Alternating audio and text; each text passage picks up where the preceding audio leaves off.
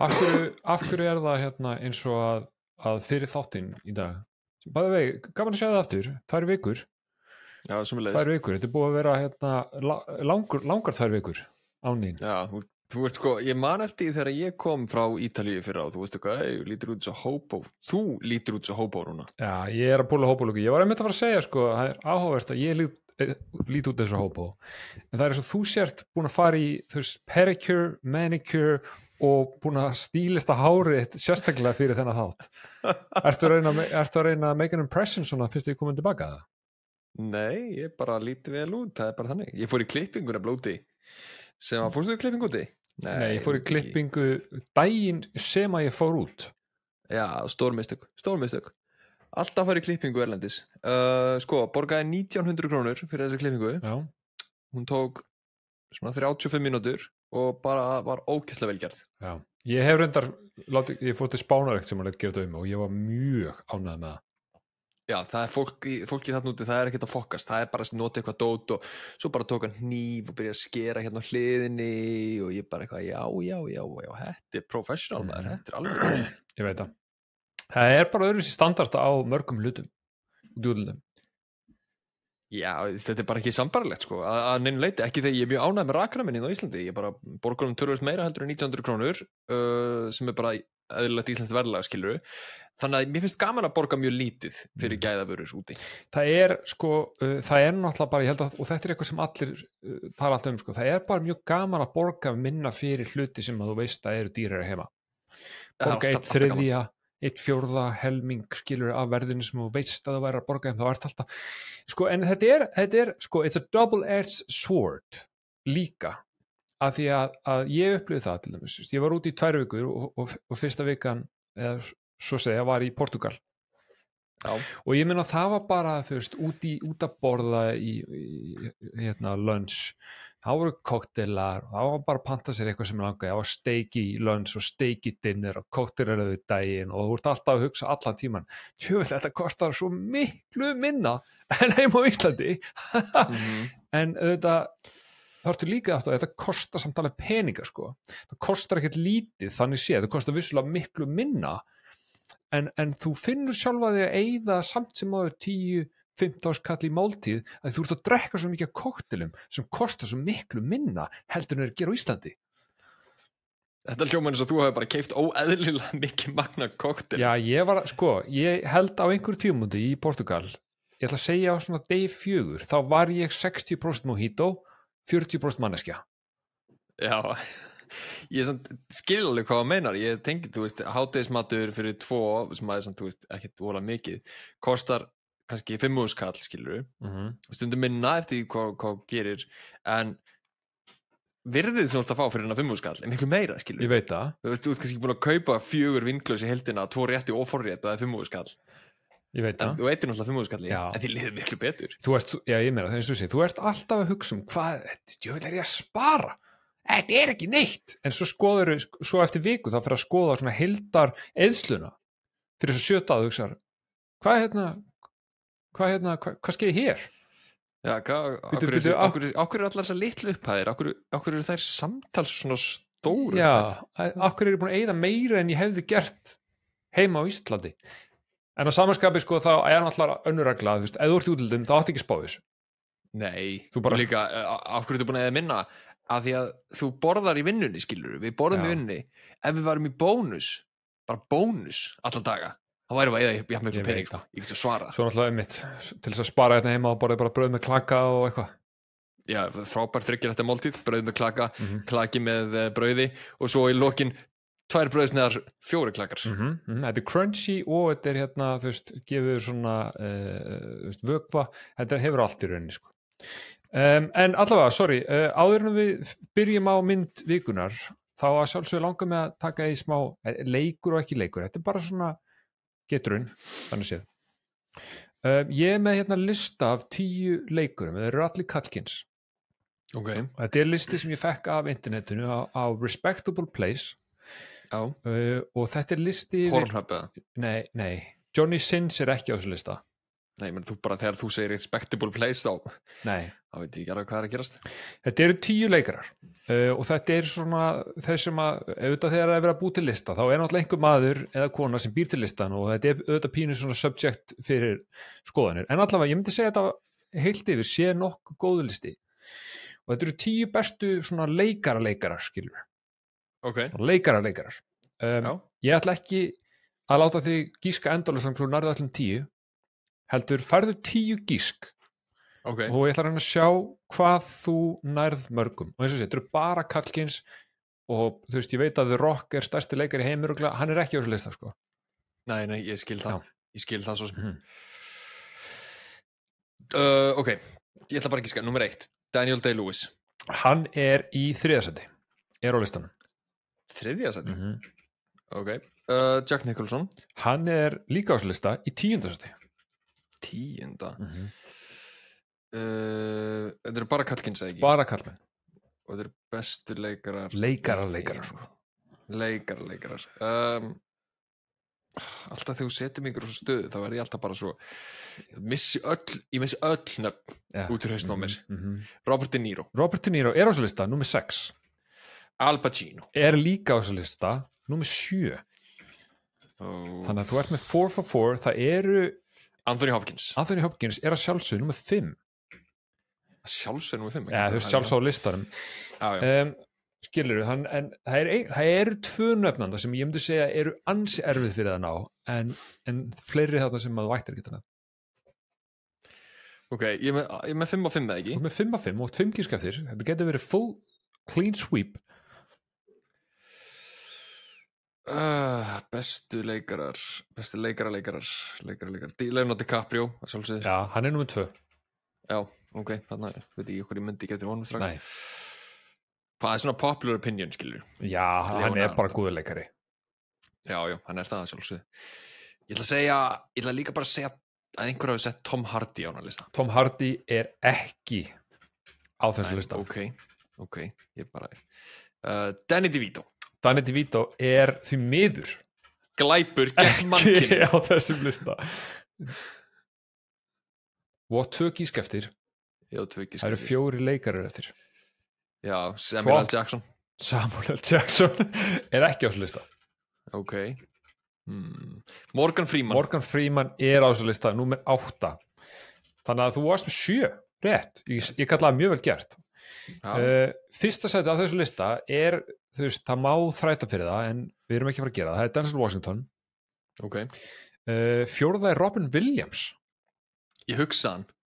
Ha, Ég hugsa já, uh, og nýjunda sæti er Gary Oldman. Já, það er valið sko. Já, þannig að ég, hei, þú náður 7 af 10 mjög vel gert. Takk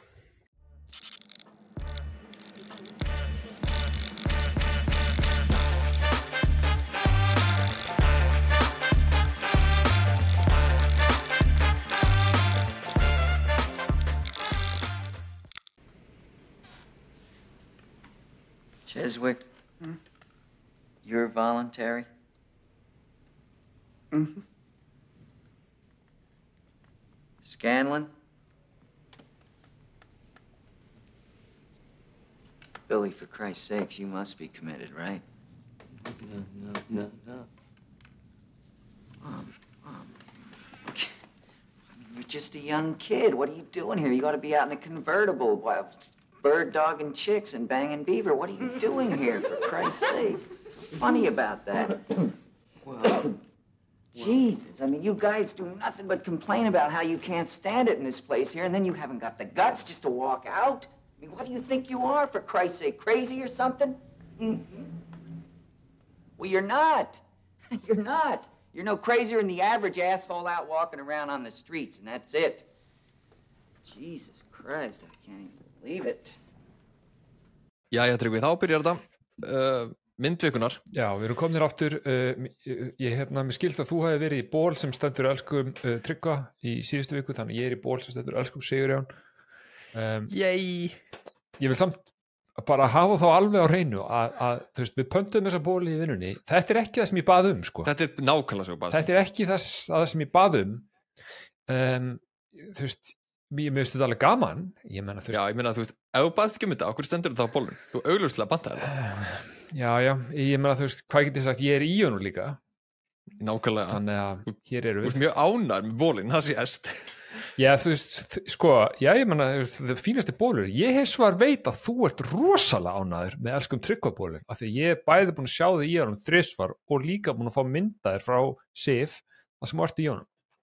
Já, hún er sko, hún er svona misánæð með bólinn.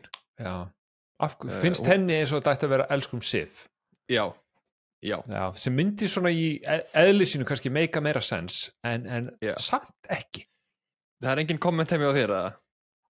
Um, um, um hvað stendur á þessum ból? Nei, engin Nei. komment þetta er bara, ég held að fólk viti bara að hérna, þetta er bara, það er bara svona bro, bromance hate mans í gangi sko Já, já, svona er þetta. Um, en ok, við erum mættir aftur saman og tökum aðra Jack Nicholson mynd. Ég var að fatta það áðan að hérna, við erum núna búin að taka þrjár myndir með Jack Nicholson, eða ekki? uh, Chinatown Já, og Shining Já, Chinatown Shining og One Flew Over the Cuckoo's Nest. Þessi gæði náttúrulega með merkilega feril, sko. Já, hann er bara alltaf crazy í mínum auga sko, eða þú veist, hann lukkar crazy Hann er með svona insane andlit. Já, ég veit það, en það er jókurinn En þessi mynd er á 19. seti við bestu myndir allra tíma hjá E IMDb uh, hún er lík, leikin leikstýrð af Milos Forman sem er Tjekkoslavi Tjekki, já, hann er frá Tjekklandi. Tjekkoslavaki? Já, ég bara var að blanda saman. Hann er frá Tjekkoslavakíu og er Tjekkos Tjekki og ætlaði að segja þetta í einu orði og það gekk ekki alveg. Mm -hmm. um, hún er með hellinga geggjum leikurum, hún er með Jack Nicholson hún er með Louis Fletcher sem Nurse Ratchet uh, hún er með fyrsta hlutverk hérna Christopher Lloyd Er eh, það- sem að leikur Doc, Doc gæði, Brown gæðin í Back to the Future. Já, mm -hmm. uh, hún er með Danny DeVito og, og hellinga fleiri mögnum leikurum sem að hérna koma skemmtilega til sögu á eftir, ég með nokkra sögur um, um myndina. En kemur út á, á árinu hérna 1975 hann er þetta er tvö ár þá er hann að fagna 50 sammali, hugsaðu það. Jésús, það er rosalegt. Það er rosalega langt. Uh, kostaði 3 miljón dólara grætti 109 á heimsvísu. Mm -hmm. Hvað er það í prósentu gróða? Það ætti að vera um það bil 300% nei, já, Ha, nei, 300% 300% var í 9 miljonir Nei, já, já, joke, sorry. Hvað er með sagðirðu? 3000, þrjú, um það þrjú, 33.000 prósent menn ég. Hvað er ég, ég komin í Þú ert bara að segja einhverja tölur. Hvað sagðir hún, hún grætti mikið? Sko, þetta er um það bil 300 markfaldaður gróði sem er 3000 prósent Ha. Nei. Já, ekki Nei Akkur eru við að reyna að reikna starffræði? Hei, velkomin í Knoll og Tótt, reikna starffræði Hvað er þetta, já, hverju segir þetta sé ekki 3000 prósent Þetta gróði? er ekki 30% það 30.000 prósent? mm -hmm. Þetta er brjálaður, Hvað- gerum bara þr, þrýr sinnum. Hvað er þetta, hvað, er þú mikið? hún grætti já, 3000, hérna, 300 faldaður gróði.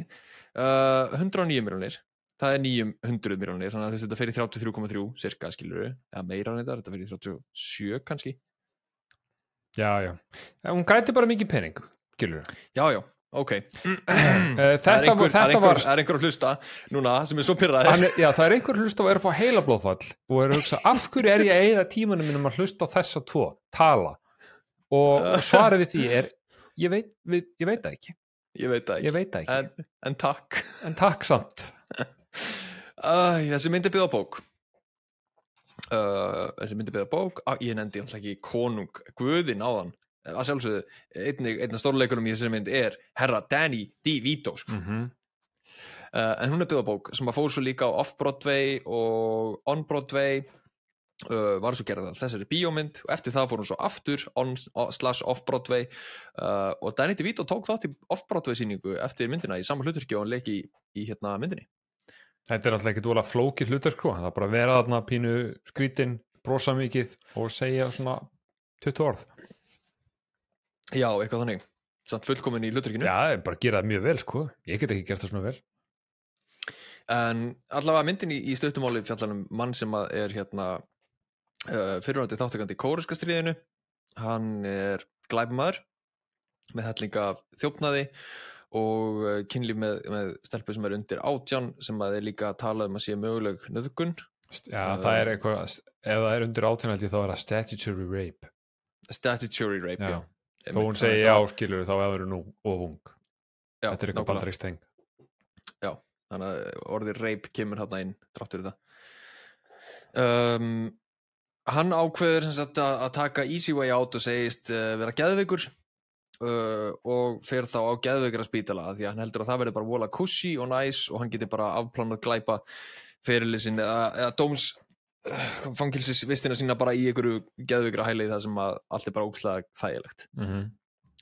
nema þegar hann mætir á staðinn þá er þessi Nurse Ratchet sem leikin er af Louise Fletcher hún er lítið að stjórna þessum stað með harðri hendi og hérna þetta reynist ekki verið að þægilegt á hann bjóstið Nei, og líka um, kemur ljós vissulega ansi seint eða þú veist, allan að eftir helmingamyndinni að þú veist, hann ágreinilega þegar hann kemur, ég veit ekki segjum bara fjóra mánuði eftir að fangilsistúmnum sínum. Mm og hann heldur að ef hann er fjóra mánuði þarna inni þá bara má hann lappa út eftir það, já, en það er auðvitað ekki alveg svo einfalt, kilur þegar þú komið þangað inn. Nei þegar þú ert búin að staðfesta það að þú sér geðveikur þá þarf vist að lækna þig og fá viðurkenningu að því að þú sér læknaður á hann og getur farið út í samfélagið. Mm -hmm. en þessi mynd var rosalega merkileg. Ekki grætt um bara slattaða peningaldur hérna hefur hún haft gríðarlega áhrif í samfélaginu sem bara eina toppmyndum allra tíma. Uh, fólk almennt leita á þessa mynd sem grínmynd þegar hún kom út en uh, svo skoðun hefur breyst með árunum en það held að sé meira meina á þetta því að bókin tæklaði þessi erfiðu viðfangsefni með alltaf svona grín þema og svona léttleika. En það er náttúrulega hellinga svona þú veist skemmtilegum atriðum í myndinni sem að er alveg mjög skemmtilegt að horfa á sko eins og þau brjótast út og, og svona. Já, þú sko um, ég ætlaði í rauninni að enda á þessum punkti en, fyrst vorst að tala með þá, þá uh, alla myndina þá hérna hugsaði ég um, það er eitthvað umrætt að fara að ske það er eitthvað skelvilegt að fara að er bara, veist, ég, ég hafði bara tilfengunni svo horfði ég meira og meira á myndina og þetta kom aldrei. Það kom aldrei eitthvað skelvilegt þetta var bara mitt, eins og þú segir brutist út á bátnum, krútlegt og áfram held að bara svona brosandi og eitthvað svona jújú, jú, eitthvað smáinn á milli en ekkert vola mikið en ég bara ok, þetta er bara svona í rauninni feel good mynd. Mm -hmm. um, þá getur hún varða alls ekki. Þá getur hún varða alls alls ekki sko, alveg í lokin. Takk fyrir það. En þetta er ein af þrem myndum sem að hefur unnið sagt, eh, svona stóru Óskarsvölunin sem er sagt besta mynd, besti leikari besti leikona, besti leikstjóri og besta handrit Já. mynd þarf að fá öll þessi fimm til að verða svona að fá stór Óskarinn skilju og það eru bara þrjára myndir sem hafa gert þetta. Þessi, Silence of the Lambs og It Happened One Night. Ég, ég veit ekki hvað það er. Nei nei, Silence of the Lambs, þú veist alveg hvað það já, er. ég hef heyrt það. En It Happened One Night er mynd frá 1934 sko. já, já, getum við ekki hort á hana það, ég, ég hef ekki séð hana, persónulega. Nei, nei, nei. en, en hérna sko, eins og þú veist fólk tala um Titanic og Lord of the Rings sem hafa báða árinni, þú veist, 11 Óskarsvölun held ég. En þess, það er af ekki tekið þetta. Nei. hver myndi vinna Uh, besti leikari í Lord of the Rings? Ian McKellen, Kann- nema að hann var í aukaleikari. Þannig að, þú veist, hver er aða leikarin, er það Aragorn eða Viggo? Já, í þriðju myndinni er það Viggo, held ég. Mm, já. Sorry, ég var sidetracked. Já, allt ykkur. En sko, hún á líka annað met sem er, hún hefur verið lengst af öllum kvikmyndahúsum í bíó án pásu. Það var í Svíþjóð. Hún var í bíó frá 1975 til 1987. 13 ár, Samflitt. 13 ár samflitt var þessi mynd sínd í kvikmyndahúsum í Svíþjóð. akkur sví það er mjög random Ég, svíjar Sví- elska eitthvað. að ljúpa og allt það Já, já, þeir eru bara, þú veist eitthvað, ó, allt svo hamingi samt Jättebra. í Svíþjóð. Bara Fest- Horfum á þess að sorglegu mynd, af því að sorglega hlutir gerast ekki í Svíþjóð. mm Ég held að lí- lífið í Svíþjóð sé almennt ágætt sko. Já, pottið, sorry, hundurinn er ekki að láta mig í friði, sko. Já, þú veist, uh, veist hvað þetta er sko. Er eitthvað lyktaðir eða? Stinkaru? Nei, hún bara er að reyna að lítur út fyrir að stinka. Ég held þú sért að bæt, sko, málið, þú ert mjög snirtilegur í mynd, skilur En ég held þú sért að fela eitthvað annað það er eitthvað Ég sé stink bara, ég sé bara stink Já, þú ert stingi, það er eitthvað stengi þú mist, sko, þú varst að borða pulsu beint úr pakkanum, þú misti smá vatn á buksuna hennar og hundurinn er bara að missa sig við því, gilur við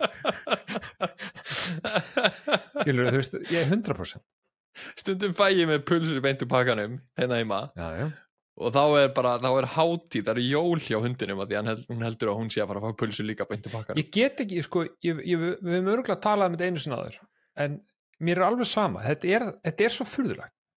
Þú veist, það elskar allir að fá sér pulsu. Við hendum henn á grillið, sjóðum með í potti whatever, eðlu hlutur. Sigurjón elskar að fara bara í vinnunni, bara klukkan hálf þrjú, rölda yfir í næstu búð, kaupa sér fimm pilsur og svo bara situr hann við skrifbór sitt það sem hann er að vinna og er bara að borða og opna bara bakkan og bara njam, njam, njam, pilsur og borða bara fimm bara, bara fimm pulsur beint úr pakkanum. Þú veist það ekki sæk sko, þú átt heima á þessu heimila sem að þessi mynd er á sér stað. Uh, í staðin fyrir að mér er skamta sígarettur það er mér skamta pulsur. Þetta er 100% sko. Ég hugsaði, ég hugsaði þegar ég horfði á þessu mynd bæðið sem auðvitað, sem klassísku djókur skilja, já, en líka bara, veistu hvað þú veist, þú sendir mér eitthvað myndar um daginn til dæmis, þú veist ykkur um wifebeater með sólgleru, bara eitthvað "Eh, þetta er ég í sólinni eitthvað eh." þú hugsaði bara, já, þetta er bara svo gæi sem var heima okkur geðveikra heili borðandi pulsur með rjóma sko, ég samt var svo ánæður um daginn í vinnunni þegar einn kom og sagði, nei, þetta með pulsur? og ég eitthvað, já, má ég fá eina? Og hann var legit að meina þetta. Hver, hann, hver, Ég- þetta var bara eitthvað gæi sem að vinnur ekki í, þessu með, í sama fyrirtækjum við sko. Þetta er bara eitthvað gæi að götunni.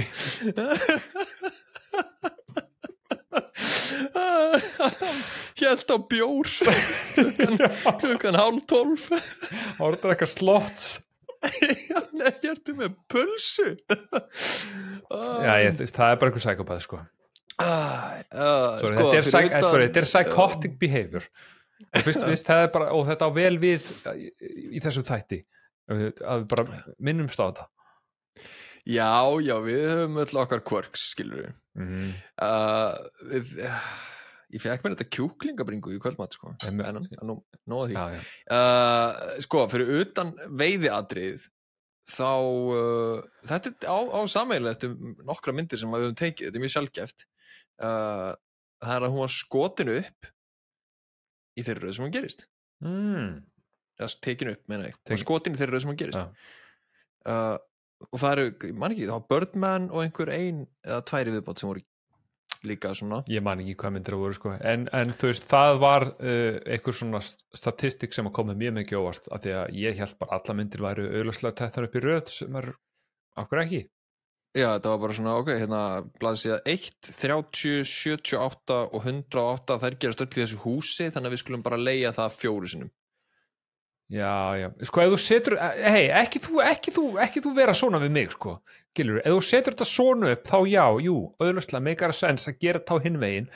En fyrir svona ekki þannig hugsun, þá meikar sens að byrja bara að blasi eitt og fyrir sér að blasi tvö Eða, það meika meira sens skilur fyrir, að því maður hugsaði þetta, ég, ég hugsaði þetta líka eins og hann ég komst að þessu, þú veist, þetta meika miklu meira sens fyrir leikarana sem er ástæðan fyrir því að hérna, leiksturinn gerði það að gangi í gegnum söguna skilur Já, að því staðan fyrir að vera bara svona býtinu, hvað var ég eftir að gera fyrra atriði, hvað eru komin hér skilur mm já, já, já, ég þarf að vera í þessu ástandi. Þú þarf þannig að, fyrir að, að lesa, þú veist, ef þú segjum bara einmitt, þú segir fyrsta atrið gerist í húsinu og síðan á blasi 40 gerist næsta atrið og þeir að taka bæð þá þarftu vantilega að lesa svona þú sjö blasjur, þú vantilega búin að lesa þetta allt saman en skilur, þú þarft að lesa þetta allt saman bara næstu, fyrstu sjö blasjur áður en á blasi 40 kemur, að þú ert bara að hugsa hvað fokkarum gerðist hér aftur, mm áður en þú ferð þangað? Sérstaklega ef þetta er dramatíst atrið eða eitthvað, hvað var að gerast. Leikar, um, þetta er ekki fyrir mig sko, að vera leikari. Þetta er ekki fyrir mig, Nei, ég held að þetta sé alveg strempið hlutverk sko. Já gráta og eitthvað, getur þú grátið on command? Ég þyrfti að hugsa um eitthvað mjög sorglegt sko. Ég veit ekki sinni hvað ég myndi hugsa um. Þegar bara pulsur. Já, því mér hefur oft langað að gráta þegar ég horfa á það, af því að þetta er bara crime to humanity. Já, ég hef reynt þetta samt að gráta um komment, ég held geta Já. Vinnur mér að tekist það. Það er ekki það flókið sko. Þetta ekki með svona tweezers í vasanum eins og klípu þig. Já, Nei, nei, hugsa bara batnaðskunaðina eða eitthvað. Ok, ok.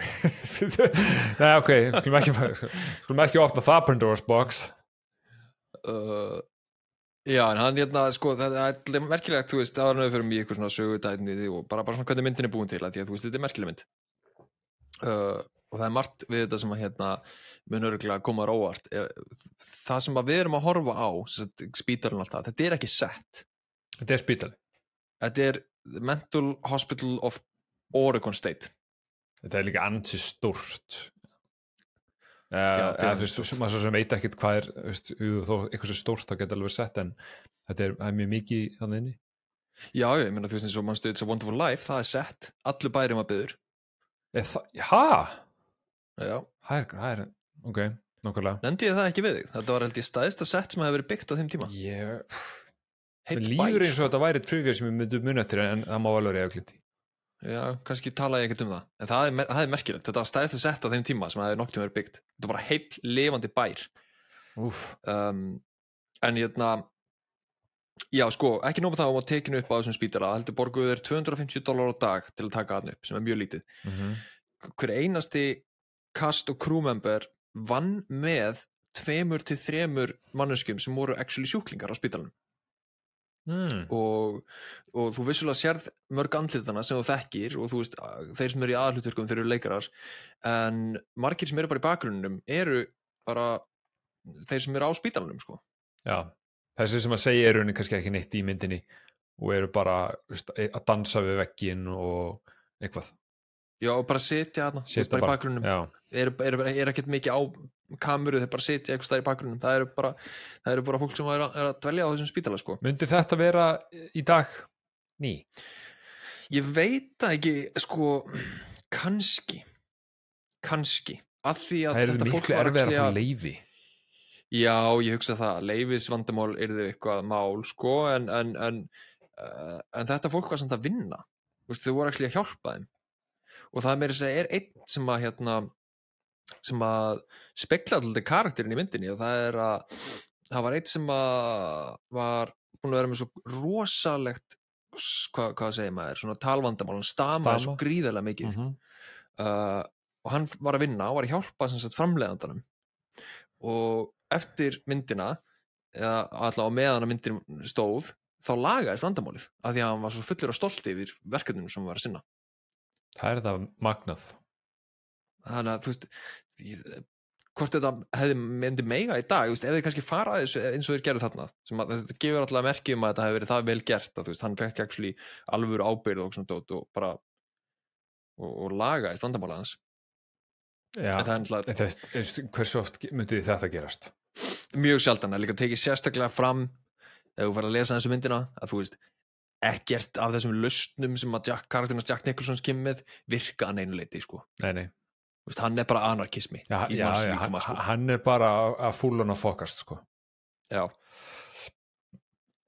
en þeir byggu þarna leikararnir líka á meðan að hérna upptökum stóð á spítalanum in, Á the, in the mental institutions Já, uh, byggu þarna voru með sitt eigi rúm, sitt eigi pláss uh, Danny DeVito hann saknaði kæristuna sinnar sem var, var svo eiginkonans uh, og er eiginkonans ennþá í dag. Saknaði hann svo mikið að hérna og hann náttúrulega kartinn hans talaði svo lítið Já, og þannig séð mm að hann var búinn að búa til ímyndaðan vin sem hann var að tala við á kvöldin. Og það var sagt læknir einn af, einn af aðalæknunum á spítalunum var með þeim allan tíman og Danny DeVito spurði hann þegar þarf ég að fara að hafa áhyggjur hérna af geðhilsunum minni? Af því að hann var byrjað að tala svo rosalega mikið og ímyndaða vin sinn.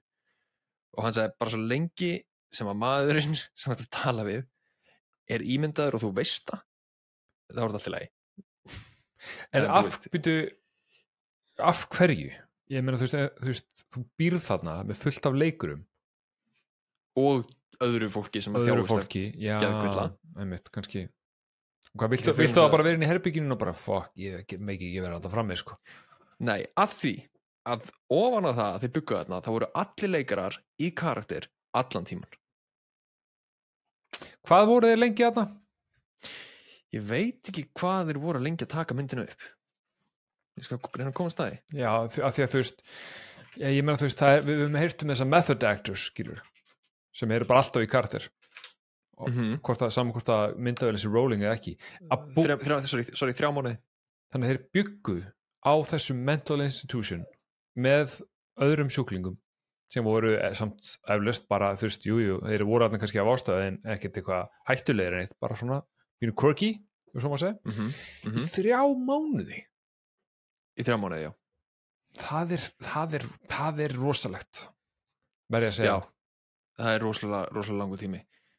Þrýr mánuðir. Ég veit að við segjum Þrí- að tími já. líður hratt sko, ég meina þú veist, við erum búin að gera, meir, me, gera þetta í meira en ár sem ekki ekkert sens, tími líður hratt en þrýr mánuðir þetta er fokkin ímyndaðir Já, það er ógæslega langu tími og líka sko þegar að Nikolson mætti svo á set um, og það hljómar sko eins og hann hafði mætt aðeins setna heldur en hinnir.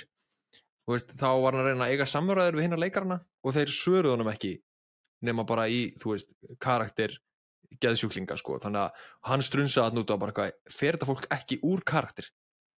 Já. en hann er hann náttúrulega aldrei í hérna- karakter. Þannig séð Nei, þú veist hann er bara svolítið eðlilega, þú veist, jú, jú, hann er alveg wild og allt það, en, en í grunninn samt alveg frekar eðlilegur. Þannig að það segja mér að það hafi verið jafn, já, miðað við hérna, það segja mér að þetta hafi verið jafn frústrerandi fyrir hann að mæta á sett til að taka upp myndina og það var fyrir karakterinn að leika í myndinni.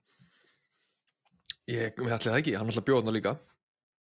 Þetta er þe- þetta er galin pæling sko af hverju, af hverju ok, frábært, þetta hefnast vel og allt það, en why af hverju ertu að setja það einmitt, Danny DeVito þrjá mánu þar sem hann er bara brosandi og segir ekki neitt og er bara endur taka söm orðin aftur og aftur og aftur hit me, hit me hit me, hit me, Það er góð Hit spurning me. sko veist, hit me, ekkert, já, Hit me. veist hit me þú veist, hit me, þetta er Hit me. mjög spes sko Hit me. en, þú veist, já, já, þetta er vitó en þú veist, er bara ímyndaðir skilur þrjir mánuður af þessu. Já. Uh, og bara sitja einhvers þar bros út í loftið og, og svo náttúrulega á kvöldin tala við ímynda af einsinn shit maður. Til að eiga samræður. Og sko það var þannig að hérna að Sidney Lassick sem að heitir uh, Cheswick í myndinni þessi sem var svona skrítin og vildi alltaf vera með öllum öðrum í liði. Já, hann var alltaf með einhverjum og gæði sem að öskraði með það þegar hann vildi sígarettunum sínar. Já, já. Um, það voru mjög margir sem að byrja að hafa virkilegar áhyggjur á honum. Meðal annars aðalæknirinn sem var involverar í, í ferlinu. Og, og hann sagði, veist ef þetta byrjar að verða þannig að ég byrja veist, að sjá að þetta er orðið vandamál ekki bara áhyggjur, þá erum við með réttur lifin fyrir hann, það hafði ekki ágjör af því. En þetta var komið á þann stað sko. já, þannig að þetta var bara orðið actual mental institution. Það því að bara, ef hann er, ef hann er orðin actually crazy, engar áhyggjur, ég með liv. Bara, medicine time, it's Já. medicine time. medicine time og, og sko í enda atriðinu þegar að hérna, Chief er að brjóta þá þurfti að fjarlæga hann að setti að því að hann var öskrandi og grátandi svo mikið að því að vera að brjóta spítalan hann var að flýja Einmitt. Veist, eftir að hafa verið þannig í Þetta þrjá mánu að leika hljómar ekki heilbrygt, sigur hún. Nei, nei, ég held að þetta hafi ekki Þetta hljómar er svo algjör fokkin geðviki. Ef við segjum þetta bara alveg eins og, og, og, og þú ert að lýsa þessu, sko. En það var eitt sem að kom gott út af því að þessi, þessi hérna, læknir hafi verið með um allan tíman um, og það er að gæinn sem að leikur Harding sem heitir William Redfield Þessi sem var svona nokkuð eðlur, talaði mjög skýrt og vel. eðlilega stuður að þeim Já, svona, Á mjög, ég átti mjög erfitt með að átta mig almennilega á því hvað var á hann. Og sama með í rauninni hérna uh, Back to the Future. Christopher Lloyd þeir, þú veist, það er mjög áhugavert að horfa á svona myndir. Af því að, þú veist, maður fer eitthvað svona að reyna að þú veist, hvað er að skeið, veist, hvað er að. Veist, stundum er það bara alveg veist, menn eru bara að stara á veggin og eitthvað. En, Mhm. en þeir eru tveir veist, Christopher Lloyd er kannski minn, þú veist, jú, jú, hann á svona mómenta sem hann er greinlega alveg, þú veist, það er eitthvað ekki rétt. En hinn var mjög áhuga, áhugaverður, þessi Harding. Já, það var eitthvað, eitthvað vandamál var í gangi með hann og konan hans greinlega Já, veist, hann var hann sem var annar mjög áhugaverður punktur sem kom setna, en allavega e, þú veist, það hann var hann bara voluntarily, Já, því að sko Christopher Lloyd karakterinn var ekki voluntarily. Nei, þú voru flestir hann, Já, það var bara, bara bara Christopher löpuð Lloyd, inn og vildu vera hann já, Christopher Lloyd, Danny DeVito og einhver viðbót Já, voru ekki. en, þá, en, en þú veist, það, það sem mér fast áhugavert við hennar Hardingur var einmitt, hann talaði og bara mjög skýrt og notaði stór orð og þú veist, hann var einmitt að tala um konun sinna greinilega, þú veist, hann, hann var viss um það þú veist, þetta kom allan einhvern sem upp hann var viss um það að hún var að halda fram með sér. Mm og, en, en það var aldrei almennilega sagt kannski af hverju hann var þarna en það var endar ekkert sagt neitt þannig séð. En hann talaði svo skýrt en ég man svo vel eftir því að hann, hann, hann segir þessi stóru orð og þessar vel samsettu setningar. En svo, held, svo heldur hann áfram, áfram, áfram að segja þessar frábæru setningar en það meika samt einhvern veginn ekkert sens. Hann er bara að tala í einhverju hringi um ekki neitt. Það er svona eins og hann sé með eitthvað smá svona obsessive paranoia sko. já, eitthvað massíft. Greinilega Já. alveg klár en samt alveg einmitt geðveitt funky alveg alveg staðráðin í því að konan segja halda fram hjá honum og veist, bara með örgla mörgum mönnum og bara svona nájaður um einhvern veginn hlutina og samt svo samt svo rosalega, þú veist bugaður undir svona reglum og öðru, þú veist, hann hlýður öllu sem er sagt við hann. Já, en, en, en vill samt ekki viðkynna þetta séu þetta konun heldur þegar hann bara tala um að þetta þetta snýst ekki um konun, þetta snýst bara um guð og djöfulinn og allt á milli Já, og, þú veist, og það er allir bara hvað í fokkanum eftir að tala um? Bara svona nájaður út í allt lífið en, en já, sem ég ætla að segja þér hérna, veist, það sem að kom gott út af því að hann var umkringdur þessum lækni sem var samt ekki medical doctor, þú veist, þessi þessi skinni sem að við köllum lækna heldur var hann sálfræðingur er að hann greindan með leukemia sem er kvítblæði að. uh, og hann mánuðum setna Jú, og- já, þetta, þetta er aðeinslegt já, þú veist, hann, hann fekk greininguna skilur já, það var það sem var jákvætt, já, það var það sem ég gætt sko. Þú veist, annars hefði hann bara dáið eða bara fengið greininguna bara nokkrum mánuðum á hann dó, en þú veist, hann fekk greiningu fyrir því, heyrðu, vinnur, þú ert með kvítblæði Já. það sést, sko. Það er mikið, þú veist, já, það, þetta er mjög áhugaveru karakter. Þetta er svona þú veist, ef maður er að velja sér sinn uppáhalds karakter, jú, jú, auðvitað er alltaf að tala um Jack. Þú veist, hann er náttúrulega hann er mjög góður í sér mynd Hann, hann er mjög góður og líka hún Louis Fletcher sem að leikur Nurse Ratchet. Ég veit að að- uh, hún er náttúrulega annað topic sko, Eh, sko vesinu við það, þú veist, það er svo erfitt að, að, að tala um uppáhaldskarakterin sinn sem er þessi bara virkilega bitch. Ef við bara, Mhm. þú veist, hún er bara bitch. Hún er bara ekki góð.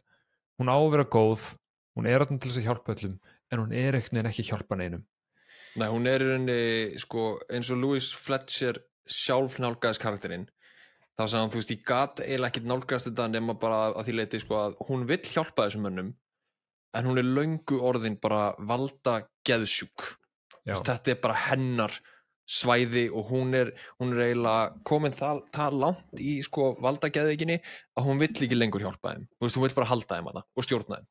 Já. Uh, en þú felur það karakterinn, felur það vel í rauninni lengi vel af myndinni. Mm þú veist, þú veist það kemur hann að tímpúntur að því að eins, eins og við tölum með þá er Jack að því að hann ennir ekki að í fangilsi hann ennir ekki að vinna og vera bara eitthvað móka skurði eða hvað í fokkarinn sem hann er að gera þarna í fangilsi, hann ennir þessu ekki. En hann er þarna til þess að vera crazy og, og þú veist, það kemur þarna atriða sem að læknanir enninni eru að, að spurja sig bara, þú veist, á þessi ekki heima þetta, Þú veist, hann er ekkit hann he ain't crazy, Já, hann er augljóslega ekki geðveikur. Hann er ekkit geðugur hann er bara eðlur. Ég held að sé bara fake þetta til þess að fá að vera þetta en hún segir, herruðu, ef við sendum hann í burtu þá erum við bara gefast upp á, þú veist, þá erum við bara hendi í burtu ykkur erfið, ykkur erfið verkefni. Þú veist, við erum ekki Já, þannig. Við erum bara að dömpa vandamálun á við erum bara að dömpa á annan, vandamálinu skilur veist, við erum innan til þess að lækna fólk og, og þú veist, og á þessum tímúti þá hugsaði, ok, þú veist, hún er alveg þarna til þess að hjálpa en þarna, það, það, það, þarna hugsaði ég nefnilega að því ég hefði séð myndina og vissi að hún væri ekkit vola góð inn í, inn í beinið eða þú veist, kannski góð inn í beinið en búin að tapa því að þarna vill hún bara halda honum að því að hún er komið personal vendetta. Já, Þú veist, hann er ógnenni sem er, já, svona í eftirauhyggju 100% rétt, en ég er bara að tala um fyrir mig sem var svona fyrstskipti, þá var tilfinningin Já, já. þannig, einmitt, að hún vildi bara það besta fyrir hann. Hún vil bara, já hún bara, heyrðu, það er eitthvað á honum, ok, hann er kannski ekki crazy eins og þeir kalla alltaf minni en það er eitthvað og ég vil bara fá að laga hann áður en við sendum hann burtu. Góð, og hann er með alveg, þú veist, þú veist Jack er náttúrulega augljóslega ekki góðu kallin heldur sko.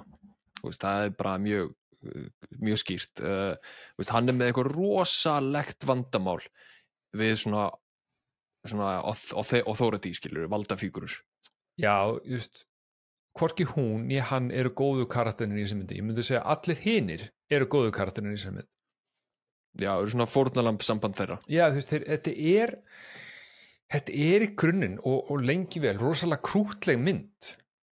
Og það sem hann er að gera fyrir þá er voðalega krútlegt veist, ræna, veist, ræna þeim ef svo má segja. By the way, geggjað að brjótast út úr mental institution fara bát í þeim eina tilgangi til þess að fá sér að ríða. Það er ambition. Það verður, það er that's a horny man that's a horny man. Og ekki sko brjótast út til að flýja einu sinni. Það vissi alltaf að þau myndu fara aftur inn skilur, hann er með alla gæjana. Já, og hann segir náttúrulega veist, það sem að maður hugsar alltaf. Ég meina þú veist, það spyr hann ykkur hvað ætlum við að gera ef ykkur nær okkur? Þú veist það bara, hvað meinar þau? Það veist það sem ég gerði er bara að senda okkur aftur það sem við vorum sko, förum bara á bátinn, nákvæmlega. Þetta er ekkert stress. En þú veist, veist allt þetta sem þetta er, þetta er krútlegt atrið þetta er rosalega krútlegt veist, þeir fara út á bátinu veiða, jú, jú, þetta verður pínu keu og, veist, og þarna ennþá, veist, á þessum tímundi þá er ég ennþá að býða, ok, það er einhver að fara uh, dett út í vatnið það er einhver að fara að drukna það er einhver að fara, þú veist poti auga á einhverju með the hook í staðin fyrir í fisk setur ekki í auga á fiskinum hann setur auga á einhverjum öðrum ekkert það sem gerist mm þetta er allt bara svona wholesome koma tilbaka, halda á fiskum, ógisla ánæður og bara æ, hvað er nú bara góð og krútleg mynd. En, en já, eins og ég sagði á þá, þá end, endar hún ekki þannig. Hún endar ekki þannig. En aðeins meira með hérna með sem sagt uh, hvernig, hvernig upplifun á settinu var. Uh, að því allir voru í, í hlutverkum allan tíman þá var Mílos Forman, leikstjórinn, hann var alltaf í því að hafa atrið einlúður löng og taka bara upp sem sagt viðbræðaskot bara, bara með kameru og andlutin á Jack Nicholson og létt, þú veist, fundin ganga. Og sum hérna stundum var bara tíu mínútur af bara svona fundi þar sem að myndaðilin var bara á andlutin á Jack. Svo hann getur notað mismunandi viðbröð hér og þar. Og hann notaði þú veist viðbröð af hérna Nurse Ratchet uh, sem sagt af andlutin hennar þegar hann var að skamma hann eitthvað skilur var að segja henni bara ekki, ekki gera þetta svona, gera þetta svona og hún var eitthvað pyrruð í framann Mhm. og veist, það fyrir myndina mm -hmm. þannig að hann var með alltaf smá svona gorilla filmmaking að veist, hann var með myndalinn í gangi þegar hún kannski átt ekki en það var endilega verið í gangi og að því að þeir byggu á þessum stað og voru alltaf í karakter þá var búið að setja upp svona game room fyrir þá það sem við sáum, það sem Monopoly og spilin voru og allt það Mhm. og mikið af þessum skotum er ekki þeir að leika, sko. þetta er bara hann bara setti myndalinn í gangi á þess að að þeir vissu það þegar þeir voru í pásu. En þeir bara held vera í karakter og voru að spila skilur Það, þetta er gjörsamlega galið. Heiminn þetta er geggjað gilur þannig séð að sjá þetta. Þetta þetta er fárlega staðrind að að segja mér þetta. Þetta er amazing. En á saman tíma þetta er, gegg, þetta, er, þetta, er, þetta, þetta, ekki, þetta er ekki lægi En þú veist, það eru tvö atrið sem koma upp í hausuna mér sem ég veit ekki hvort það sé í handritun ekki þegar þeir eru að spila, skilur þegar, að- fyrst þegar að, að því að Danny DeVito greinlega fannst þú alveg gaman að reyna að svindla í spilunum. Mm -hmm.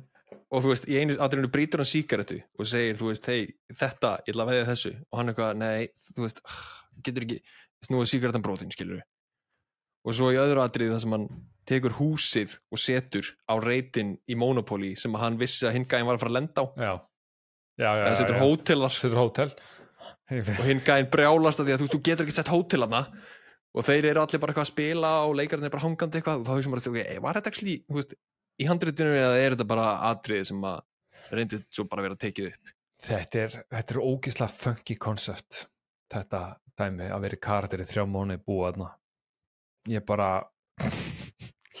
að vakna bara hverju mótni bara, jæja, annað dagur að mér að leika vera geðvegan já, þú veist, svo er myndavalaður er hún að taka upp eða ekki, ég veit ekki ég er bara í karakter í þrjá Já. mánuði. This is my life now. Þetta er emitt þetta, this is my life. Veist, þetta fekk mér samt til að hugsa því að þú veist, í grunninn fjallar þessi mynd um það eins og segir að hann ennir ekki verið fangilsi hann vill vera þarna frekar. Þannig ég vil að sjálfsögðu alltaf þegar að koma upp svona dæmi, þá vil ég að sjálfsögðu spyrja þig. Ef þú ættir að velja segjum bara sex mánuði uh, annarkvort og þetta er sjálfsögðu ávið í bandaríkjurum mm fangelsi eða þessum stað. Hvort myndur þú velja? í bandaríkjunum? Í band, já, við erum að tala um bandaríkjum sko Gil. þennan stað.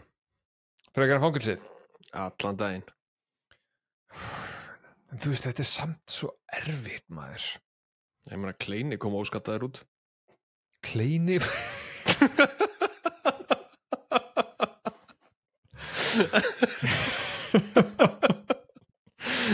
ó nei.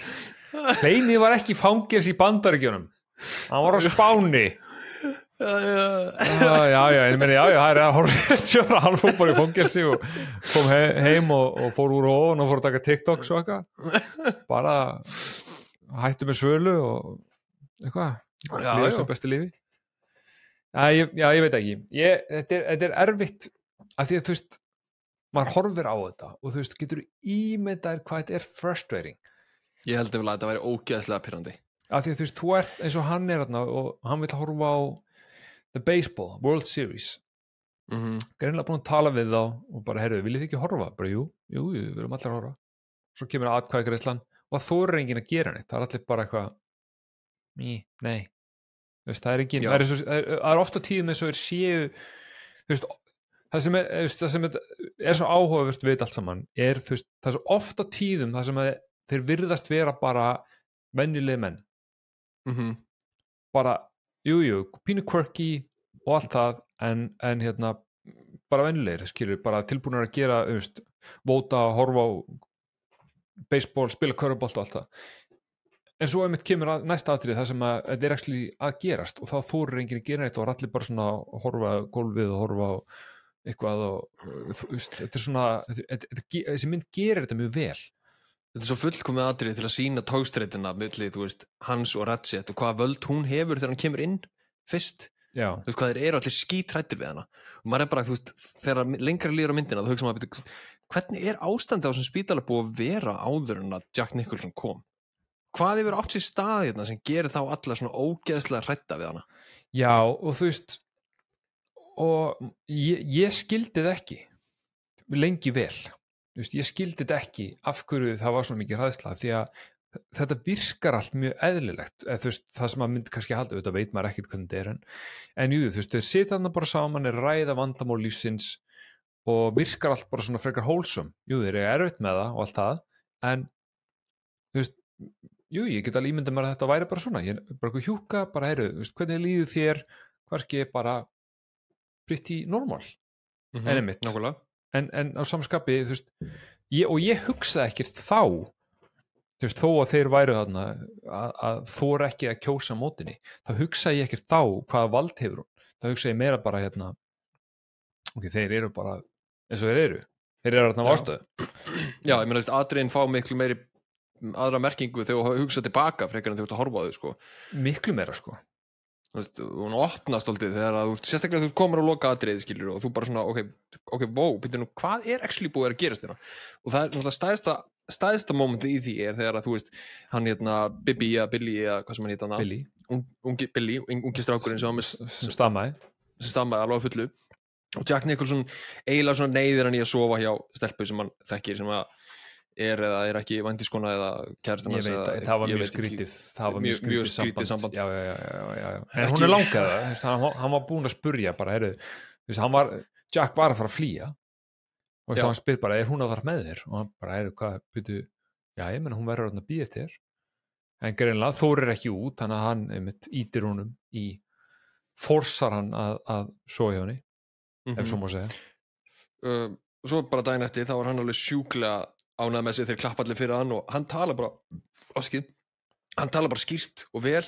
Já, ekkert stað og ekkert stam, fullur af sjálfstyrsti og fyrsta sem hún gerir hún Ratchet, þegar hún sér þetta er hún hendi bara, hún veit á hvernig hann er inni. Hann er inni út af mömmans já, þú veist, eitthvað mjög, mjög smikið þú veist, vandamála samband þar.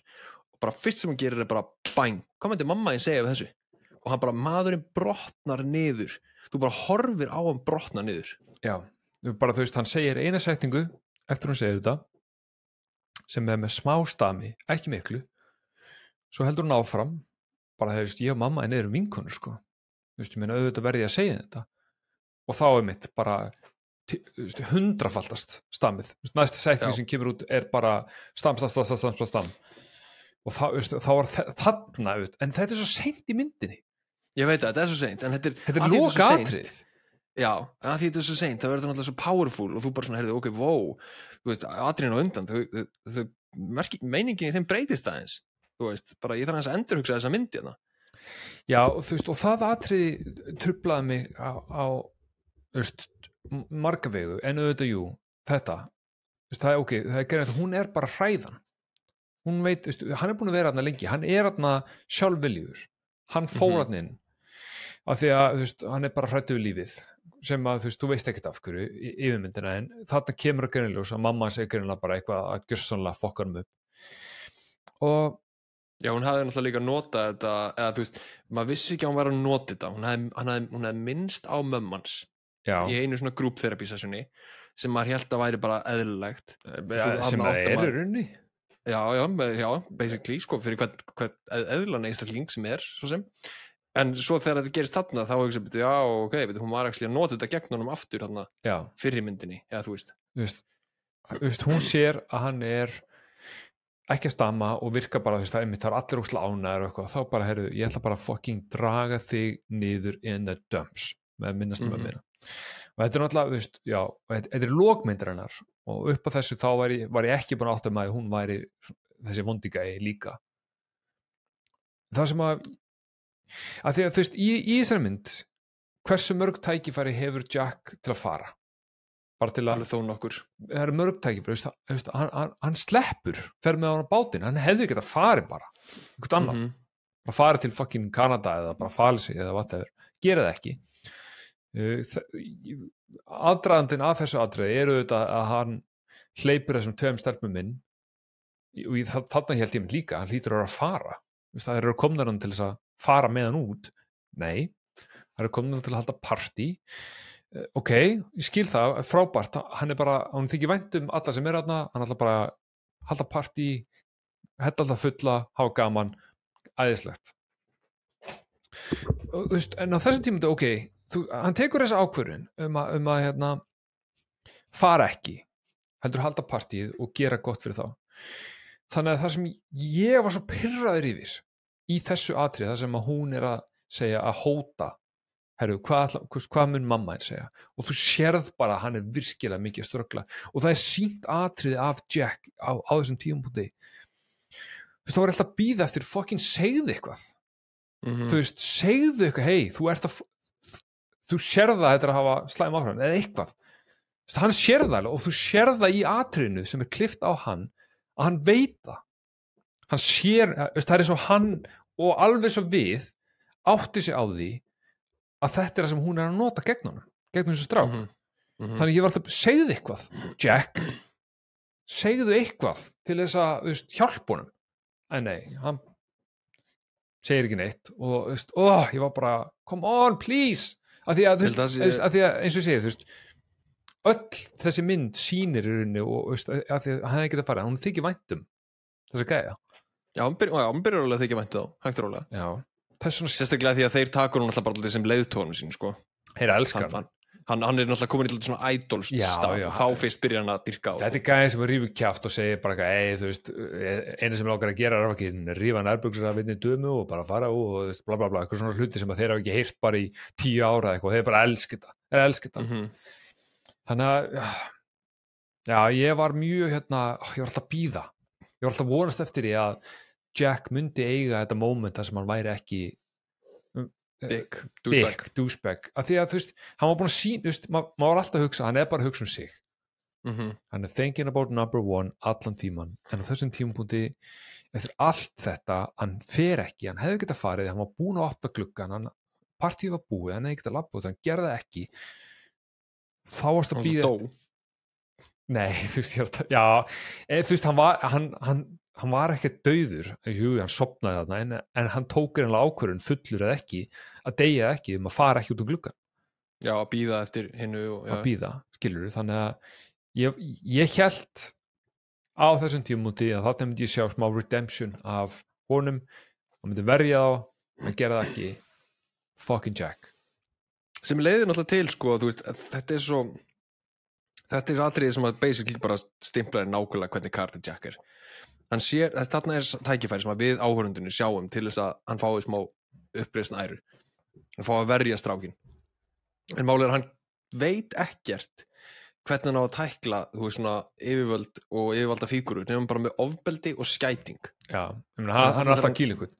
Já, þannig að hefur, þegar hann hefur tækifæri til að verja hann strák, þá bara getur hann það ekki nei, þú veist, ekki fyrir að hann fremur sjálfsmorð bara tvei myndu setna uh, þá hann alltaf bara reynir hann að drepa nördstrætsit, já, það er eina sem hann kann eina sem hann veit, hann, þannig bara svo gegn sýrður af ofbeldi og anarkisma og bara þú veist, fuck the police dæmi að þú veist, þetta er eina sem hann mögulega getur ímynd sér að gera.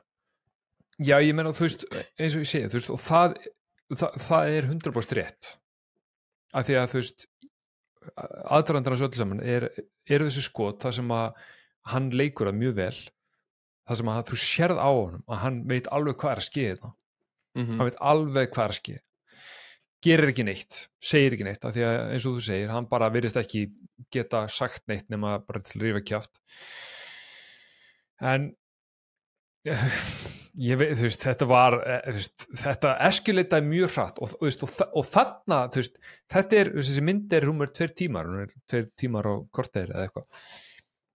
Ég með, þú veist, á þessum tímpundur tveir tímar búinir að myndinni. Já. og þetta er sem ég voru að tala um áðan. þú veist, það var ekkert slemt búið að ske þannig. Alltaf, ég var alltaf býð eftir ég var alltaf býð eftir allt myndi fokkin fara til fjandans en það gerðist ekki. Og ég, og það, ég var farin að halda að þetta er bara fílgút mynd. Já, það væri bara að sína að veist, fólk sem er í þessari stöðu það sem að menninir sem eru á svo heimil eru er bara allt í góðu, það er bara hefur gaman og getur allt gaman og þetta er bara killur, þá til þetta gerist. Og allt fyrir in the fucking shitter þetta, þú veist, þegar hann er að tjóka hana maður, guð minn góður. Ég eiginlega hálfpartum vona að það myndi bara geða Já, þú veist, þetta er maður er mjög pyrraður út í hana þarna. Þetta, er bara einhvern veginn, það er kastað bara köldu vatni framan í mann þegar maður sér hvernig hún virkilega kemur fram með fólkið og af hverju það haga sér svo það haga sér. Og þetta er erfitt atriði en það er líka magnað að sjá mynda sem að tveir aðalkaraktanir eru báðir bara svona vondir og þau eru bara akkurat andstæðan. Einu er bara ekki svona vond svona, þú veist yfirvalda haldöll í, í, í hérna reglum og allt er að vera rétt og þú veist, samt einhvern veginn er að fara til ferlum en vill ekki að neitt lægist og svo manneskjan sem er geðveikt anti-authority og er líka vond og er bara að stela og, og þú veist, berja fólk og, en samt, vill samt einhvern veginn fara frá öllu og vera bara eitt Já. og þú veist, en hjálpa samt þessum strákum þarna inn á þessum spítala einhvern veginn, þú veist, rísa upp og vill að þeir séu líka svona hey, fuck the, fuck the, fuck the man fuck the authority, en þú veist, ekki samt gera með mér að lokum, þú veist, ég ætla að fara ég ætla að fara, ég, ég er mikilvægastur sko, já, ég er nummer eitt. Já, Já, ég meina, þú veist, hann er ofta tíðum, þú veist, þegar að það kemur í ljós sem að mér fannst mjög gaman mér fannst það mjög skemmtilegt svona viðbót í myndina, var þetta þarna, sem ég talaði um á þarna, þeir eru flestir þarna bara þeir, þeir kjósa að vera þarna mm þeir eru, þeir eru nýju sem eru svona aðal, sem eru mest í mynd. Og ég man ekki, það er kannski þrýr, fjórir fjórir mestalagi sem eru þarna að því að þeir þurfa að vera þarna, að þeir eru, þeir eru settir ánga en hinir eru bara þarna að þeir kjósa að vera þarna. -hmm. og ég, mér fannst það mjög skemmtilegt eh, skemmtileg punktur í myndina. En, en líka, veist, það, hann skilur þetta ekki. Og sérstaklega þessi strákur sem að stamarinn, Billy. Bara af hverju, hvað meinar, af hverju ert ekki bara úti, höfsla gellur keirum á blæjubíl bara mm -hmm. lifa lífinu. Hvað ert að gera þetta, af hverju ertu þetta hann skilur þetta ekki ekki neitt og mun aldrei Nei. skilja þetta. Það er líka leiksturum vildi svo mikið gera þessa mynd Milos formana því að þú veist, hann er tjekki og lifði náttúrulega undir sko Sovjet hérna stjórninni. Já, þannig að þú veist, honum, þessi handritið var svo mikið fyrir hann líka því honum fannst, þú veist bandaríkin og vestrið vera svo mikið jack. Mm þú veist, hei, bara þú veist persónlegt frelsi og allt þetta dót, skilur en svo þegar hann kom til hann, þá átti hann að sjá því að veist, þó að þykist vera svona mikið frelsi þá einhvern veginn er þetta samt ekki eins og Jack, þú veist hann fannst það bara að lýsa myndin alltaf vel. Mm -hmm.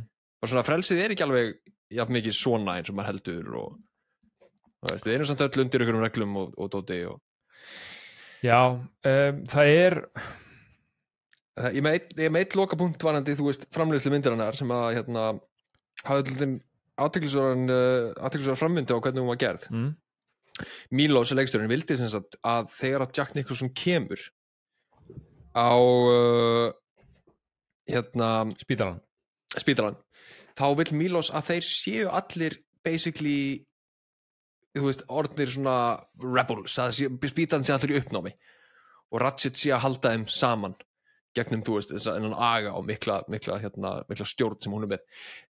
Og Nicholson sagði bara hart nei, bara það kemur ekki til greina að því þá er karakterinn minn gagslus það sem karakterinn minn gerir er að hann kemur inn og skapar óriði mm. og þeir voru svo ógeðslega ósammálu með það að hérna, þetta var allt í for, semst, forframleiðslunni, pre-production áður en þeir fóru að taka upp.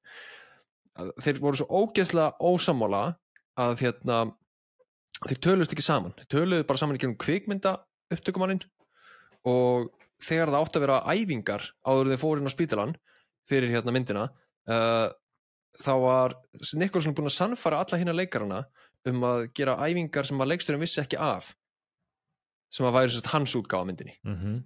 það sem það var ekki, þú veist, allt í allt í ykkur svona pandemonium og kaos þegar hann kemur sem endaði svo að því að vera þú veist, útgáfan sem var notuð. En, en ég er fullkomlega samanlunum sko. En, líka. en Nicholson er ekki á neinu aukaefni fyrir þessa mynd. Þú veist, ef þú kaupir skilur ykkur svona DFT útgáfu eða Blu-ray útgáfu sem hellingar behind the scenes okkur dóti, það er engin meðutur við hann. Og vildi ekki taka þátt í. Er hann erfiður? Ég hef ekki, ég veit það ekki en mér, þetta hljómar ekki eins og erfur þetta hljómar meir eins og þú veist leikstjórinn bara var með mjög ákvæmna hugmyndu hvað átt að gera og hann var ekki tilbúin til að eiga samræður um neina aðra hlið. Ég meina ég er sammálaðir þú veist, uh, og, og bara Jack í þessu, þú veist, hann á að vera chaosið. Hann er chaosið í þessari mynd. Meikar ekkert sens að bæta chaos inn í chaos aðstæður. Nei. Það hefur verið allt, allt önnur dýnamík sko.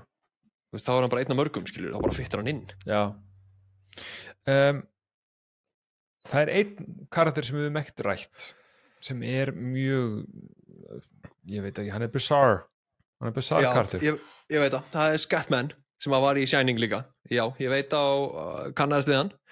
Hann er hérna gæinn úr Shining sem var Shining með uh, kom og bjargaði uh, hlutunum hann í endan en var stungin með Exi af Jack Nicholson.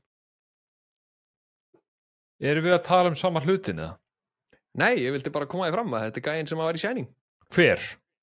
nú, uh, hérna vörðurinn sem að hleypi stelpunum inn og verður ás, ástæðan fyrir því að partíð Það er ekki það sem ég var að tala um. Nei, nei, þetta er hann. Þetta er sami gæi, já, ok. Takk fyrir þetta Sigurjón. Takk fyrir þetta. málið. Já, það er nefnilega sko málið er nefnilega að hérna uh, Af hverju ertu svo ert? Ég er bara að því að sko, ég, ég nefnilega nefndi þetta þegar við tökum upp Shining þáttinn að þessi gæi var ráðinn í Shining af því að Jack Nicholson líkaði svo vel við hann í One Flew Over the Cuckoo's Nest. Ég er búin að gleyma því. En þú segir að það manni eftir honum. Þannig að, hey Doc, Hey Doc, hvað hét hann? Hann hét, hann hét eitthvað mjög skrítið hann eða hann, ha, Tulip, leikarinn heiti Scatman Crothers, Já, ég er ekki að tala um hvað leikarinn heitir, jú, asshole, ég er að tala um hvað hann heitir í myndinni. í, hann heiti Turkle, Tur Turkle. Tur, já, með T í stæðin, með K í stæðin fyrir T, Turkle. er ekki, tur, ekki Turtle, heldur Turkle. Ok, allavega, það er ekki maður sem ég alltaf að tala um frábært, þú ert þess ok. þú ert þess verð. Ég er að tala um að sjálfsögðu hérna The Chief. Ah, Chief, Chief er um, áhugavert fyrirbæri. Þessi stóri, já, þessi stóri karakter, Indjóni á þessum tíma, þú veist, maður getur ímyndað að lífið sé kannski ekkert frábært þannig í bandaríkjanum um, en segir ekki neitt og, og er aðna því að já, ég veit ekki. Maður veit ekki af hverju einhver er aðna er, en hann segir ekki neitt og er heyrnarlaus líka. Um, en er það síðan ekkert sem kemur ljós setna í myndinni? Þegar Jack gefur hann tyggjó og hann svarar hann, thank you. Og svo sagði hann, I love juicy fruit. Mm en I love Juicy Fruit. I love juicy fruit. Mjög, mjög deep voice. En þetta er án, áhugaverð dýnamík millir þeirra og ég veit ekki alveg hvað skeður veist, nú eru komnir alveg í lokin. Hann er búinn að kirkja monduhjúkuna og Mhm. fer til hliðar og kemur aftur uh, inn, í, inn í það sem þeir eru allir. Og hann er með tvo sauma Vistu, við vorum búin að sjá aðtíð það sem að vera að gefa hann svona electromagnetic shit sem að lukkar ógeðslegt by the way, ógeðslegt hann fekk lobotomy, heitir þetta. Lobotomy, ég hef heyrt þetta Já. orð miljónsinnum Þetta er sem sagt heilaskuris aðgerð sem var fyrst búin til hvað, 1930 og eitthvað uh, já, it, it, já, já nokkulega, popular in the 1930s as Já, a treatment for mental health conditions such as schizophrenia. It involves severing the connection between the frontal lobe and other parts of the brain. Já.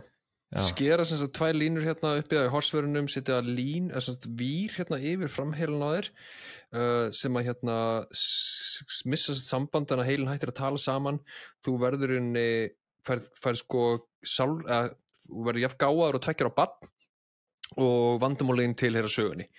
Og maðurinn sem bjóði til fekk Nobelsvelun fyrir framför í hérna læknilegum vísindum. Já, já. svo var, ég, bara, ég lasi þetta alltaf á hann þegar ég var að undirbúa þáttinn. En hérna, svo var bandaríkjamaður sem að náði að þróa þetta enn lengra sem að, og þetta hefur örgulega séð. Þetta er eða veistum það sem hann fór, í staðin fyrir að skera hérna uppi þá fór hann inn í gegnum augað. Og þú veist svona kling, kling, kling landi, þú veist hjá auganu inn í heilun á þér. Já. þetta er ógslegt þetta er allt ógslegt um, en hann er greinlega búin að fá þú færir alltaf ekkert nákvæmlega útskýringu hvað skeðu en er greinlega það að búið að gera meira en að bara hérna, uh, gefa hann smá ramagn í heilan Ram, basically bara hann heila döður sko hann er hann heilduður Þetta var gert við sýstur hans Robert F. Kennedy að því hún var svo rosalega lauslátt og passaði ekki inn í fjölskylduna. Það var gert við hana þegar hún var sýstur á tvítusaldri og hún lifði út æfina sína sem græmmiti. Ég er ekki æðislegt að grínast í þér. Þessi fjölskylda er svo fucking sköttuð að það er ótrúlegt. já þetta, er, þetta var ógislegt um, og hann er greinlega bara þú veist, og The Chief veit greinlega hvað þetta er Mm af því hann sér hann, hann kemur inn hann er ógislega ánæður að sjá hann af því að þeir eru náttúrulega með þetta stóra planum að flýja saman Ég veit ekki hvort þú tókst eftir en Jack sá annan sjúkling fyrir myndinni með þetta og kíkti á hausin á honum. Það var þetta gæðin sem var alltaf að halda í veggin. Já, ég sá það sem að, sem að var gefið rauður vökvi á fyllir í stjáminu Já. um, Þannig að þú veist en, en Chief er endurinn á myndinni. Hann sér að hann er bara, þú veist, orðið græmiti tekur þá ákvörun af því að hann er alltaf mjög ánæður, eins og segi, hann er mjög ánæður að sjá hann. Þeir er alltaf að flýja. Hann sér hann græmiti, hann, hann ákvörður að kaffar hann með kotta. Um, því líkur happy ending um, en svo sjáum við hann uh, rífa upp vaskin sem engin gætt lift brjóta sér út, hlaupi burtu og þetta endar á einhverju svona tólist þar sem hann er að hlaupi burtu. Legendary endur. legendary endir, er þetta happy ending? Hvað er þessi endir, er þetta sad ending, er þetta fucked up ending? Hvað er þetta, hvað er þessi endir í skalanum, ef þú varst að setja lýsingur fyrir saman ending? Eða hvað orð myndir hún nota? Um, ég myndi segja svona blík ég veit ekki hvað íslensku orðið við það. Þetta er blík endir en hann er samt ekki alneikvæður. Hann er ekki alneikvæður. Af því að sko, þetta, eh, eins og ég sé þetta þá er þetta, þú veist, Jack Nicholson þetta var aldrei að fara að enda vel hjá hann hann var alltaf að fara að vera fastur átninni basically að eilífu af því að þú veist, gæinn getur ekki hætt. Hann gæti ekki bara farið. Nei, og þú veist, það er örgulega enda á því að hann hefði drepi Ratchet veist, eða hún eins og þetta gerði, hún segir að hann, hún basically draf hann. Og hann alltaf, Chief, þú veist eftir allt þetta ótrúlega þá alltaf náði hann til einnar mannesku, hann náði til Chief. Og þú veist, Chief átti að segja á því að veist, hann ætti bara fokkin drulla sér. Já ég meina þú veist, það virt ég held í rauninni það að ekkert verið neitt að hann Nei, það var auðvitað eitthvað tráma tengt, þú veist, varandi Þetta var pappans og eitthvað. pappans og þú veist, hann vild, veit ekki hvað skeið á þetta og mjög svona loðið drapan hann eða ekki, hann saðist ekki hafa gert það en hann saðist þetta ekki, ekki hafa gert það um, allavega hann, hann var ekkert að honum það en sem hann var Indjóni og að hann var bara settuð þangað já, já, já. það sem ég er svo frábært við þessa mynd að hún minnir mig á 12 engri menn varandi persónusköpunina við vitum Mm. ekki fullkonlega hvað þessi gæjar er að gera en hún er rosalega mikið að tala og tala og tala og við þurfum til að púsla þess inn skilur mm -hmm. en hann ná allavega til hans skilur og Chief þá bara ákveður veistu, ég er bara farin Já, ég ætla bara að gera það sem við tveir töluðum um ég ætla bara að fara til Kanada. Ég er bara farin Þetta er þetta er, þetta er magnaður endir. Þetta er, eins og ég segi, þetta var, þetta var algjört chaos síðasta korterið. Af því að, að, að það sem ég, þetta var það sem ég beið eftir alla myndina, sem kom aldrei. Þannig að ég var búin að sannfara sjálfum um að þetta væri fílgút mynd. Mm -hmm. skiljanlega Já, að því að sem hún er t- 95% af tímanum. Jú, jú, auðvitað er þetta skrýtnar aðstæður en, en að mörguleiti bara frekar fílgút um, en nei, hún er það í rauninni. Og, þegar þú ert búin að horfa hana þá er hún það ekki. Nei, og þegar þú ert að horfa á hann í annað skipti eins og ég var að gera þá var ég allan tíman bara svona þú veist, ég gat ekki hægt að hugsa um alvörunni alvöru, þú veist, pælingar einstaklingana. Ég var bara svona, þú veist, hún er svo ég hugsaði bara, hún er svo vond. Og svo hugsaði, hann er svo ógeðslega engjarn atriðin verða miklu þingri heldur en þeir voru í fyrsta ári. Já. Ég held að sé ekki meira. Nei, ég held að sé bara góðir 8,7 af 10 fær þessi mynd í engun á IMDb. Um, hvað, maður, hvað ég að reyta mynd ég myndi reyta þessa mynd alveg ah, ég myndi segja 8 af 5 ég, ég er eiginlega bara nokkuð veginn samválesu Já, ég er sammála, þetta er alveg þrjusu góð mynd sko. þetta er góð mynd. Þetta er mjög áhugaverð mynd. Um, allir karakterar þó þeir segi fá orð eru mjög vel gerðir. Þannig að já, bránaði með hana bránaði með þessa mynd. Já. eða þú veist, þú veist já, leitt með ekkert líða frábælega í lokin en, en ég, þetta var mjög mixed feelings. En hún er góð. en sem bíómynd uh, góð. En finnst þér þetta ekki líka vera alltaf svona, þú veist, finnst þér ekki alveg vera alveg fínasta myndlíking, að samlíking við nokkuð hérna 12 engri menn, veist, mjög mikið spjall, gerist alltaf sama tím, sama stað, mest, að mest, mestu leitið þær að segja. Uh, ég er langmæstuleiti, jú, ég er sammálaður um, það, því það er þú veist, það er rosalega margt sem þú veist ekki sem þú þarft að ímynda þér. Þú veist, eins og sé, þú veist ekki neitt um neina sem önnu nema Jack, þú veist okkur hann er þarna. Allir hinir átta sem eru svona þessi aðaleikarar um, eða auka hvað, hvað, hvað sem við kalla þú veist ekki af hverju er þarna. Þannig að þú þarft að reyna ímynda þér. Já. Mælum með, mælum með þessari mynd, við erum búin að tala um í döðlur. Uh, ég ætla að fá að velja næstu mynd, ég ætla að lefa þér að velja næstu mynd, Því það eru tvær myndir sem komum til greina, við þurfum að horfa þær báðar. Ég ætla að hafa þær í röð, því þær, þær eru... Er, Þannig að, býtu, bara þannig að við höfum á hreinu, þú ert ekkert að leiða mér að velja, þú ert að leiða mér að velja hvað við horfum á fyrst. Já, og þú færð ekki að vita hvaða myndir þetta eru. Þannig að ég ætla bara að segja svona upplýsingar um þar. Ok, Þar komu báðar út árið 2007. ok, Þar voru báðar í Óskars baróttu um besta mynd, besti leikur og besta handrit, held ég. Og mögulega meira. Um, endaði þannig ein Lord of the Rings. Nei, ein myndin vann besti leikari og hinn myndin vann besta kvikmynd. Ok, uh, einmyndin er nummer 139 af bestu myndum allar tíma og hinn er 149 það eru með nákvæmlega sömu engun á IMDb 8,2 en bara einu með fleiri atkvæði. Uh, ein af þeim er 2 klukktímar slétt. Hinn er 2 og 40 tveir klukkutímar og 40 mínútur. Já, og það er svo sem er herra. sem er herra reytið hvort viltu taka á undan? Uh, veistu hvað, tökum 2 og 40 næst. Ok. Þetta er mynd sem að ég, ég fór á þær í bíó tvo dagi röð af því að ég ætla að horfa þær fyrir Óskarinn. Myndin sem að þú valdir heitir There Will Be Blood og er með Daniel Day-Lewis.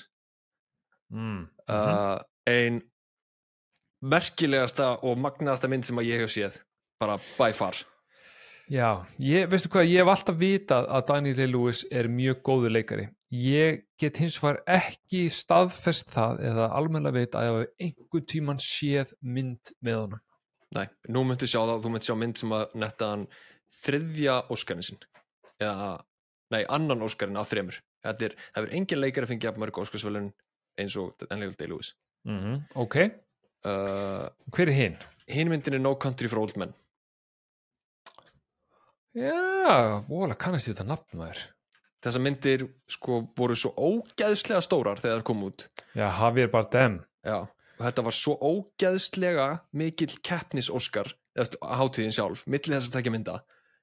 Þetta var, þetta var big event í, í kvikmyndaðina Býtu, hann að, býtu, vann Daniel Lewis Óskarlun fyrir þessa mynd? Já, hann var besta leikara. en No Country for Old Men vann myndina? Já, Ok Ok, ég held ég við séð hana. No Country. Já, en uh, ég man ekkert eftir henni. Ég, ég, já, já, ok, skiptir ekki máli. Ég, ég, ég er klári í þessu verkefni. Það er vel. Þannig að næstu viku þá tökum við There Will Be Blood með Daniel Day-Lewis. Því líka veisla maður, því líka veisla. Mm,